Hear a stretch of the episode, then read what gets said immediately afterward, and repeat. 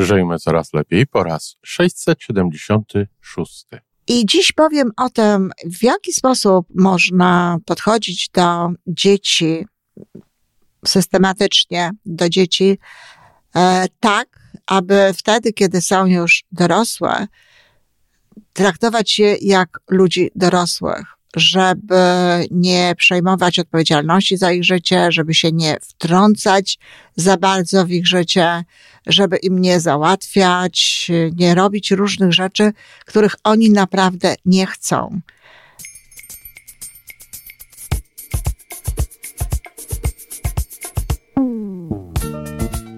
Witamy w kolejnym odcinku podcastu Żyjmy Coraz Lepiej, tworzonego przez Iwonę Majewską Opiełkę i Tomka Kniata. Podcastu z dobrymi intencjami i pozytywną energią, ale także z rzetelną wiedzą i olbrzymim doświadczeniem we wspieraniu rozwoju osobistego. Chodzi nam o to, aby ludziom żyło się coraz lepiej, aby byli coraz bardziej spełnieni, radośni i szczęśliwi. A że sposobów na spełnione życie jest tyle, ile nas, więc każdy musi znaleźć ten swój. A teraz już zapraszam do wysłuchania kolejnego odcinka. Dzień dobry, z tej strony Iwona Majewska-Opiełka, wasz psycholog. Witam serdecznie w sobotę. I dziś powiem o tym, w jaki sposób można podchodzić do dzieci systematycznie, do dzieci e, tak, aby wtedy, kiedy są już dorosłe, traktować je jak ludzi dorosłych żeby nie przejmować odpowiedzialności za ich życie, żeby się nie wtrącać za bardzo w ich życie, żeby im nie załatwiać, nie robić różnych rzeczy, których oni naprawdę nie chcą. A nawet jeśli chcą, to tylko dlatego, że przyzwyczaili się w procesie wychowywania do tego, że rodzice właśnie w taki sposób ich traktują.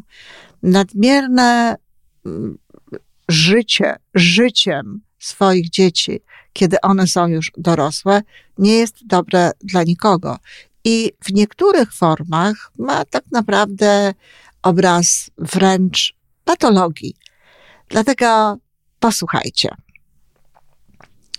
Kiedy dziecko jest małe, maleńkie, oczywiście, zwłaszcza matki, ale ojcowie często też, mają wielką przyjemność w takim e, łączeniu się z tym dzieckiem, w takim budowaniu przywiązania do tego dziecka, e, często w, w, w obecności z tym dzieckiem.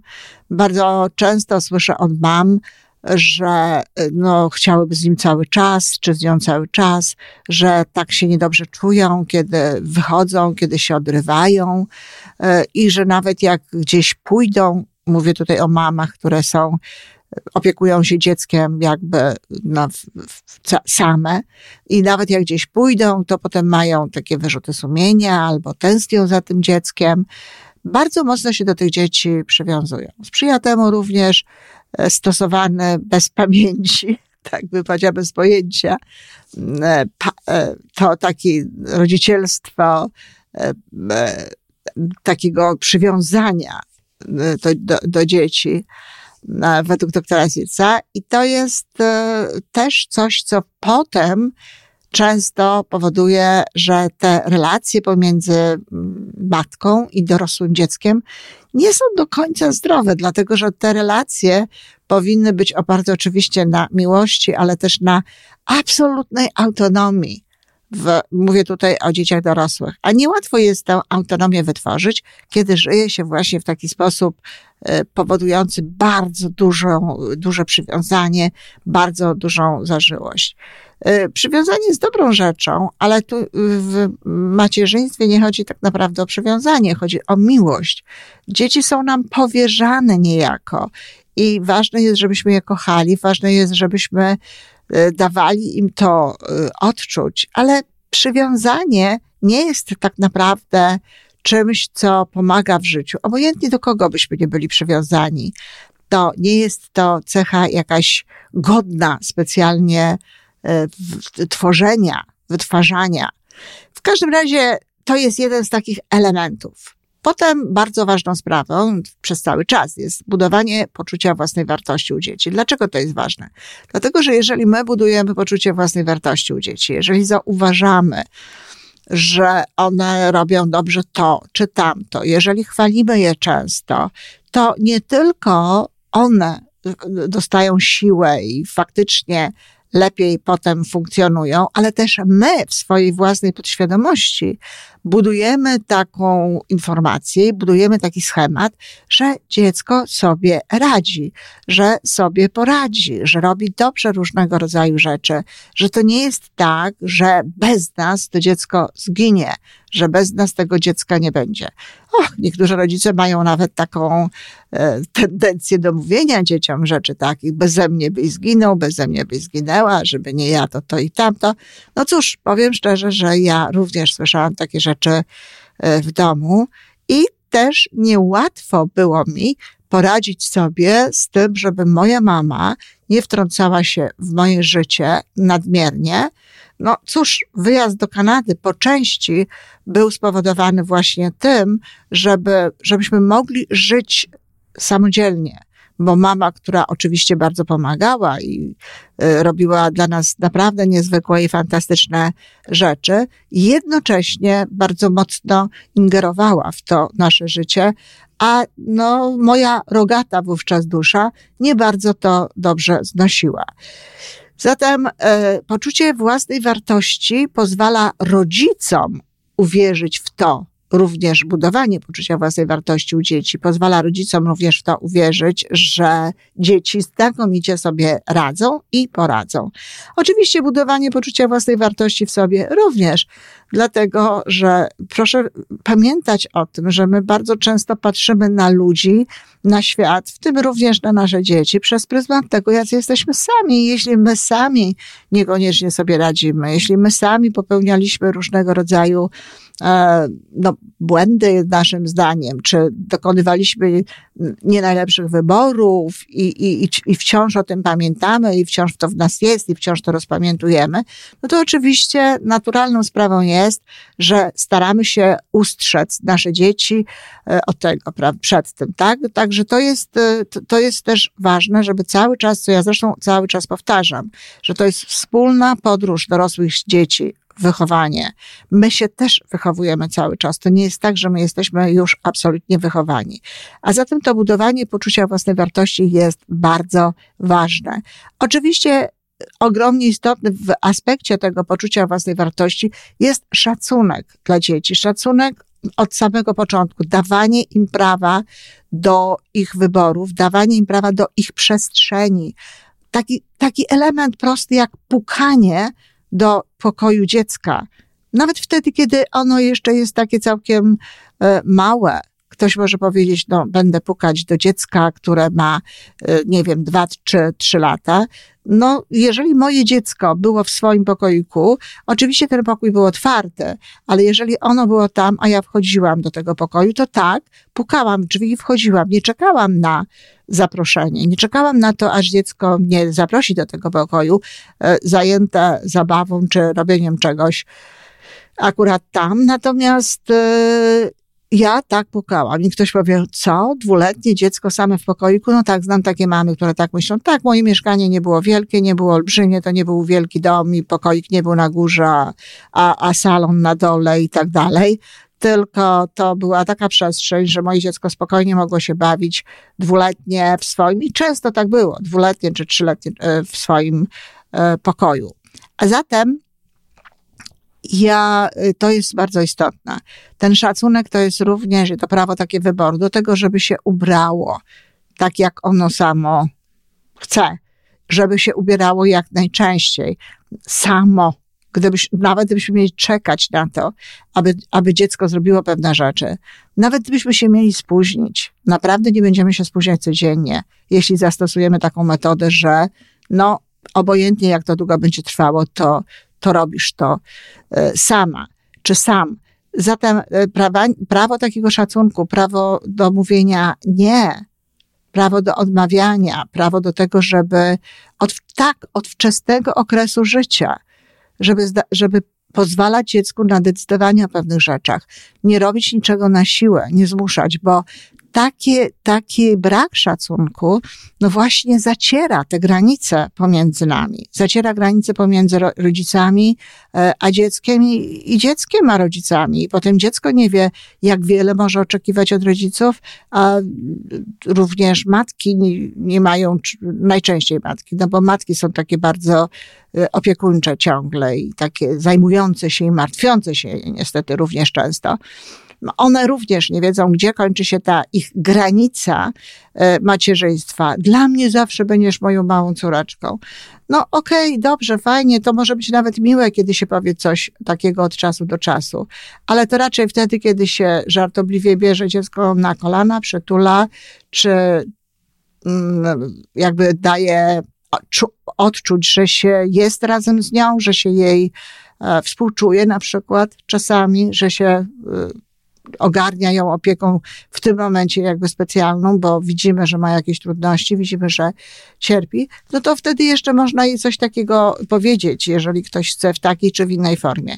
Natomiast e, mówienie jej wtedy, kiedy ona zwraca uwagę na to, że nie chciałaby, żebyśmy robiły to czy tamto, że jest dla mnie zawsze będziesz moją małą córeczką czy moim małym synkiem, no to jest, słuchajcie, kochani, no co tu dużo mówić, dla dzieci groźba, a nie jakaś miła rzecz czy obietnica, dlatego że to znaczy, że mamusia całe życie będzie się po prostu już y, zajmować tym, y, tym dzieckiem, całe życie będzie mu tutaj doradzać, całe życie będzie kontrolować, sprawdzać y, i tak dalej, jak to wygląda, co to dziecko robi. Naprawdę z miłości można robić rzeczy, które dobre nie są. Nie wiem, czy oglądaliście film Rozmowy nocą z Dorocińskim e, i e, Różdżką, Magdaleną Różdżką e, i mamą, tak, która, nie pamiętam już, znaczy nie pamiętam nazwiska osoby, która grała Zajączkowska, bodajże ona się nazywa, ale pewna nie jestem, um, aktorka i ona grała mamę i ta mama była naprawdę dobra, kochana, w ogóle fantastyczna mama, wyrozumiała, absolutnie. No ale ciągle właśnie nie mówiła tego, ale żyła w zgodzie z tym, ty zawsze będziesz dla mnie moim małym synkiem. Zatem to nie jest jakby dobra formuła. Ten szacunek trzeba dawać bardzo wcześnie, prawo do prywatności bardzo wcześnie i e, to z czasem po prostu my sami również będziemy mieli do tego większy dystans. Kolejną bardzo ogromną, ogromnie ważną sprawą jest proaktywność. Proaktywność, czyli dawanie dzieciom, jak już wspominałam, no nie to jest element proaktywności, ale też poczucia własnej wartości, to mówienie, prawo dawania dzieciom do mówienia nie ale również prawo dawania dzieciom do y, wybierania i ponoszenia konsekwencji. Na ten temat był oddzielny odcinek, zatem nie będę tutaj wiele mówiła, ale to jest ogromnie ważne, żeby uczyć dzieci od początku, ale też samemu nauczyć się ze spokojem patrzeć na to, że tak, dzieci ponoszą konsekwencje swoich wyborów i tym bardziej będą je ponosić jako osoby dorosłe. Nawet jeśli nas boli czas, czasami serce, zupełnie zresztą niepotrzebnie, dlatego że no, każdy musi przeżyć swoje życie.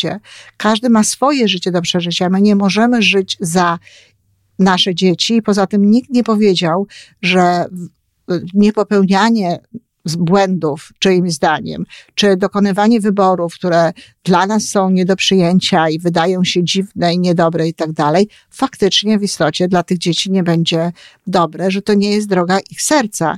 Bardzo często nasze wyrozumowane, wymyślone pomysły na ich życie nie są dobre lepsze są często te pomysły, które są w ich sercu. Tylko w sercu oczywiście, jeżeli te dzieci są w zgodzie ze sobą. No jakim cudem mogą być w zgodzie ze sobą, jeżeli są prowadzone przez cały czas przez rodziców, przez mamusię, przez tatusia i nie mają czasu nawet na to, żeby pobyć same ze sobą, wiedzieć kim są, wiedzieć co jest w tym ich sercu. Dlatego ten, ten, ten czas jest ogromnie ważny i ważną sprawą jest właśnie, żeby od początku y, wrabiać w dzieciach nawyk proaktywności, czy cechę charakteru, jaką jest proaktywność. To jest y, na początku poniekąd y, utrudnienie rodzicielstwa. Dzieci, które są proaktywne, wychowuje się nieco trudniej, nie wychowuje się tak łatwo, bo oczywiście łatwo jest dziecko zastraszyć, powiedzieć nie wolno, masz zrobić to, masz zrobić tamto, ustawiać te dzieci, niż dawać im prawo do wyboru i po prostu czekać na to, jakie będą konsekwencje.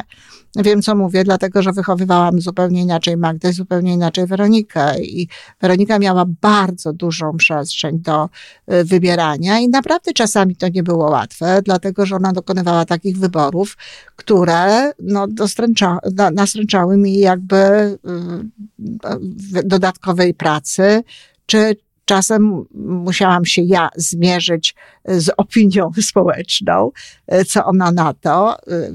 Jak nie miałam poczucia własnej wartości jeszcze takiego, bo nie od razu je miałam.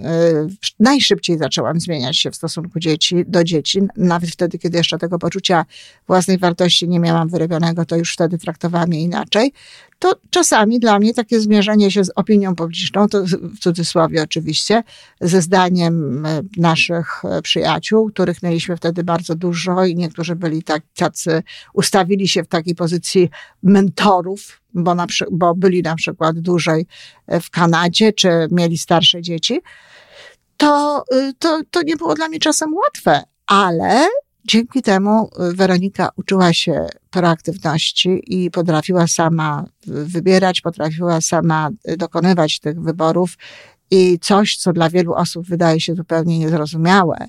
Ale faktem jest, że Weronika miała 16 lat, kiedy ja wyjechałam do Polski, a ona została w Kanadzie ze swoim ojcem. No i prawdę powiedziawszy, w tym zespole to częściej e, chyba Weronika była taką osobą, Mm, ogarniającą właściwie rzeczywistość. Y, I do dziś jest osobą niezwykle odpowiedzialną, potrafiącą znakomicie funkcjonować. I w ogóle nie ma takiej opcji, żebym ja ingerowała w jej życie. Owszem, w obu wypadkach, w wypadku mojej starszej i młodszej córki, ja robię pewne rzeczy, które one przyjmują ode mnie, ale też ja przyjęłam od nich wiele rzeczy. Ja im nie narzucam, ja im proponuję czasem pewne rzeczy, poza tym robię pewne rzeczy, sama jestem jakaś. I w związku z tym niektóre rzeczy również e, jakby one przyjęły. Natomiast budowanie tej proaktywności, a przede wszystkim nauczenie się patrzenia na konsekwencje wyborów tych dzieci, radzenie sobie samemu z tym jest bardzo ważną sprawą. Wtedy taka osoba dorosła, e, no i, ma, i dorosła mama traktuje to zupełnie inaczej. Coraz mniej wkraczamy w życie dzieci, coraz więcej oddajemy im odpowiedzialności. To jest ważne, żeby o tym pamiętać. Szkoła podstawowa na, powinna być tutaj taką lekcją, że coraz mniej tej odpowiedzialności naszej za to, jak nasze dziecko funkcjonuje w szkole, coraz więcej dziecka systematycznie. Przychodzi moment, kiedy nie odrabiamy z dzieckiem lekcji. E, nawet przychodzi taki moment, że można po prostu się nie interesować sprawami e, dzieci. Z tego co wiem, to dzieci w Kanadzie e, mogą mm, powiedzieć, że one nie chcą, aby rodziców informować. Dzieci dorosłe, zdaje się, mm, ukończeniu 16 roku życia, mogą wystąpić o, o tak, z taką prośbą, że nie chcą, żeby rodziców informować o ich postępach w szkole. Zatem no, jest to, jest to, ma to sens, dlatego że rodzice nie są od tego, żeby y, przejmować odpowiedzialność za, za szkołę dzieci znowu swoim modelem, swoim wzorem, e, swoim stylem życia e, mogą sprzyjać temu, żeby dzieci dokonywały takich czy innych wyborów, natomiast nie mogą przejmować odpowiedzialności za nie. I teraz kolejna bardzo ważna rzecz. Pracować nad swoim światem. Każda mama musi od samego początku mieć swój świat. Nie może to być tak, że jest ja i ty przeciwko światu, jak jest w piosence, czy jesteś całym moim światem, jak jest w innej. No nie, tak nie może być. Nikt nie może być czyimś całym światem. To nie może być ani ukochany mężczyzna, ani ukochana kobieta, ani dzieci. Życie ma wiele barw, życie ma wiele obszarów i prawdziwe spełnione życie no, te wszystkie obszary dobrze by było, żeby jakby uwzględniało ale też dla dzieci to nie jest nic dobrego, kiedy one są całym światem. Wyobrażacie sobie, jaka to jest odpowiedzialność, jaka, jaka, jaka to jest y, ciężka, ciężar, który spływ, jest na barkach takich dzieci. Dlatego bardzo ważną sprawą jest swój własny świat, swoje własne życie. Jeśli ktoś nie, nie chce pracować zawodowo, niech robi rzeczy inne, ma jakąś pasję, niech ma, e, oczywiście można pracować zawodowo i mieć pasję, czy niech robi jakieś inne rzeczy, które są dla niego ważne i istotne, dlatego że tak jak mówię, trzeba być tutaj mocno samemu zajętemu, e, zajętym tym światem i korzystaniem z tego wszystkiego, co on daje, żeby aż tak bardzo nie zajmować się dziećmi. Get alive, takie jest powiedzenie. Miej życie. Mama, zajmij się życiem. Mama, może byś, jeżeli mama jest samotna, bo to się wtedy y, niestety zwiększa, dobrze by było, żebyś sobie kogoś znalazła. Znajdź sobie jakąś drogę. Dzieci mówią to swoim rodzicom, bo mają po prostu dosyć wiecznej kontroli i bycia w centrum jakby życia swojej mamy i zainteresowania y, sobą. Ogromnie istotną sprawą jest też u starszych osób, znaczy u starszych, u takich osób, które już mają dorosłe dzieci, a ich dzieci mają dzieci, żeby szanować swój własny czas. To jest też bardzo istotne. I to, że ma się zainteresowania, to, że się zajmuje różnego rodzaju rzeczami, albo że się wciąż pracuje, powoduje, że szanuje się ten swój czas i ustawia się w ten sposób e, granice ze swoimi dziećmi. Mm, prowadziłam zajęcia na uniwersytetach trzeciego wieku z wielką zresztą przyjemnością, ale często słyszałam od pań, że nie mogą przyjść dlatego, że muszą zająć się wnukami. I to zdarzało się często. Miałam panią, która płakała, bo mówiła, mówiła, że po prostu e, dzieci wciąż jej te, te, te wnuki podrzucają, że nie mają jakiegoś harmonogramu konkretnego, ona nigdy nie wie, kiedy to będzie, jest to często, grubo za często i w związku z tym ona nie może sobie ustawić swojego życia.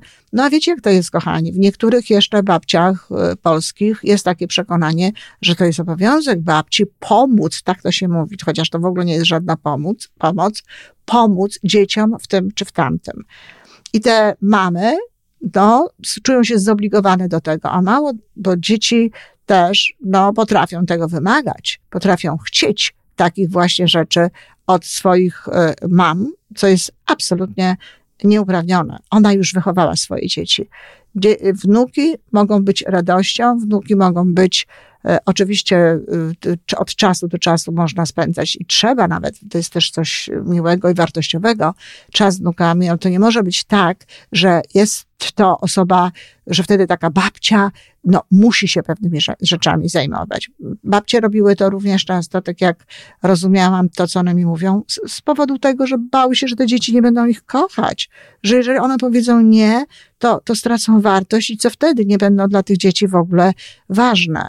No, sami słyszycie, kochani, jak to niezdrowe e, podejście tak naprawdę do rodzinnych relacji się tworzy, ale rzeczywiście tak jest. I teraz mama, która pomaga, obojętnie, czy pomaga e, zajmując się dziećmi, czy robiąc jakieś różne inne rzeczy, czy pomaga wydajnie, finansowo, kupuje mieszkanie, jakieś takie inne rzeczy.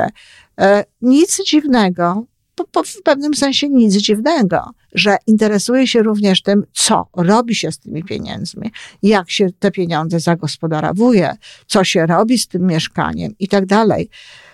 To była właśnie część mojej mamy, e, kiedy ja już byłam e, mężatką, kiedy miałam swoją rodzinę, nawet już miałam dwójkę dzieci, bo Weronika również urodziła się w Polsce.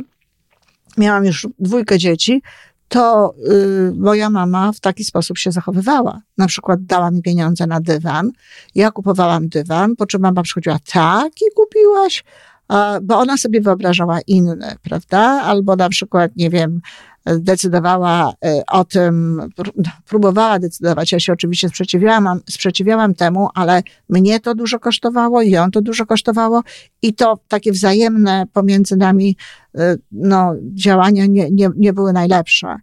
E, po prostu próbowała na przykład decydować o tym, co mam zrobić z rzeczami, które dała mojemu dziecku, nie wiem, dostała mm, na przykład korzuszek y, Magda i ja potem ten korzuszek oddałam przyjaciółce jej dziecku, no to moja mama też uważała, że powinnam z nią skonsultować e, i tak w ogóle włączała się w, w, w moje życie, że zrobić to, zrobić tamto.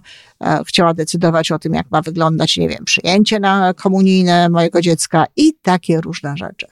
Zatem y, dużo tego było, no nie będę opowiadać, bo nie o to chodzi, ale tak jak mówię, kiedy kto, mama daje pieniądze, kiedy rodzice dają pieniądze, to wtedy jednocześnie z tym, no, dają sobie prawo do, do większego y, wchodzenia w to życie tych dzieci.